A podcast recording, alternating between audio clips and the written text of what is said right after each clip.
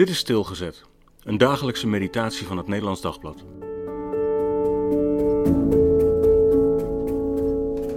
Vrede.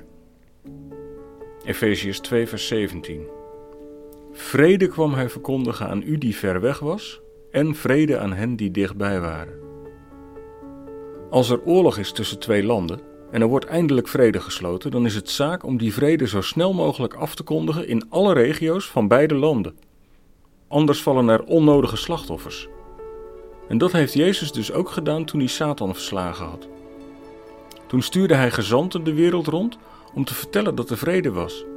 En die gezanten gingen niet alleen naar zijn eigen volk, maar ook naar het volk van de tegenstander.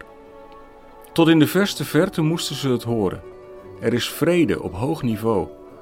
En dus wordt het ook vrede in je eigen buurt. Antillianen en Arnhemmers hoeven elkaar niet langer wantrouwend aan te kijken. Syriërs en Friezen leren lachen om de verschillen. Marokkanen en kaaskoppen eten van één brood en delen de beker. En hebben samen plezier.